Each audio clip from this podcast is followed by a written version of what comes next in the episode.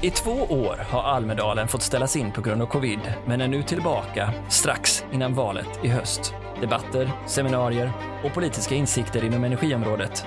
Vad kan vara mer intressant? Carina Sammeli, kommunstyrelsens ordförande i Luleå. Nu inleds Almedalen med ett seminarium om hur vi tar Sverige genom en elektrifiering. Eh, en sak du trycker särskilt på är den om acceptansen lokalt. Tycker du att, det är, att den frågan får tillräckligt med synbar, synlighet i den här diskussionen? Nej, eh, jag tänker att eh, det blir väldigt mycket diskussion om de tekniska lösningarna och vad som är bra teknik och effektivt. Men för att människor ska acceptera det så krävs det faktiskt att man ser nyttan av det. Och där tror jag inte att vi har gjort ett lika bra jobb, varken från politiken eller från industrin. Ja, som du själv nämnde i seminariet så går ju ni, Luleå och Boden, hela norra Sverige före här.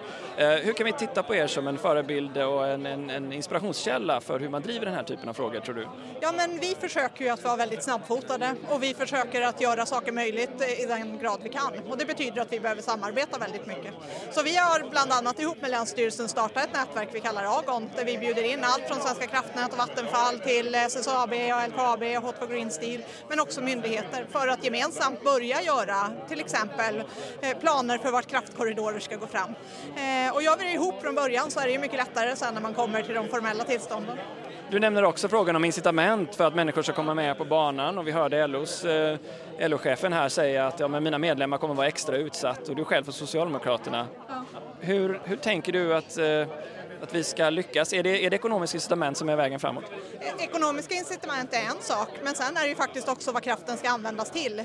Används den till den möjlighet vi har just nu att göra en grön omställning av industrin och skapa arbetstillfällen i Sverige så ger ju det långsiktiga effekter och bygger samhällen som människor vill finnas i under lång tid. Så det kan handla om pengar, men det kan också handla om vad det är man ska använda kraften till helt enkelt. Och du träffar ju många väljare kan jag tänka mig så, och diskuterar det här med dem. Vad är, vad är din känsla, vad är din puls på människors uppfattning i frågan frågan om anpassning mot eh, förändringarna som samhället behöver gå igenom tack vare elektrifieringen? Ehm, alltså man är ju van vid att el bara finns eh, och eh, så man har inte funderat så mycket på varifrån den kommer och hur den ska göras och nu har man de utmaningarna. Så att jag tänker att vi har en ganska lång resa. Samtidigt så är frågan mer aktuell än någonsin. Det är fler som pratar energi än någonsin. Men man har nog inte riktigt hela bilden klar för sig ännu. Vad skulle du säga är de viktigaste sakerna som den politiska enigheten också behöver hantera i form av acceptansen? Om du förstår min fråga. Alltså jag tror att eh, vi behöver då till vad ska det ge? Eh, och eh, det ska ge en bättre livsstil, det ska ge en planet som finns kvar i nästa och nästa, nästa generation. Och det skapar faktiskt arbetstillfällen i Sverige nu. Lyckas vi förklara att det är det vi får, då kommer man också acceptera att man får ge någonting. En sista fråga då. En sak som har blivit väldigt aktuellt för er är frågan om kön och vem det är som får tilldelning. Och SSAB var ju i min podd här för några veckor sedan och pratade om konsekvensen av att inte få tilldelning i senaste beslutet från SVK. Eh, hur ser ni på den frågan om vem och hur kösystemet fungerar? Alltså, jag tror ju att eh, de system vi har haft är lite gamla. Eh, också hur man bokar upp och vilken redundans vi behöver ha. Det finns ganska många saker som jag tror vi behöver göra om i kösystem och hur vi använder näten. Eh, men det spelar roll förstås. Vad är det elen ska användas till? Det kommer ju spela roll. Och framför allt, man kanske behöver ganska lokal anknytning. Att just här där jag bor, där behöver det märkas om det produceras. Kanske i plånboken men också i andra stöd. Du var väldigt positiv i avslutningsfrågan. Du tror att vi kommer klara av att nå klimatmålen.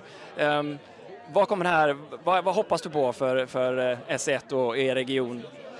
Ja, men eh, jag är ju positiv, det måste man vara som politiker, man måste tro att saker är möjligt.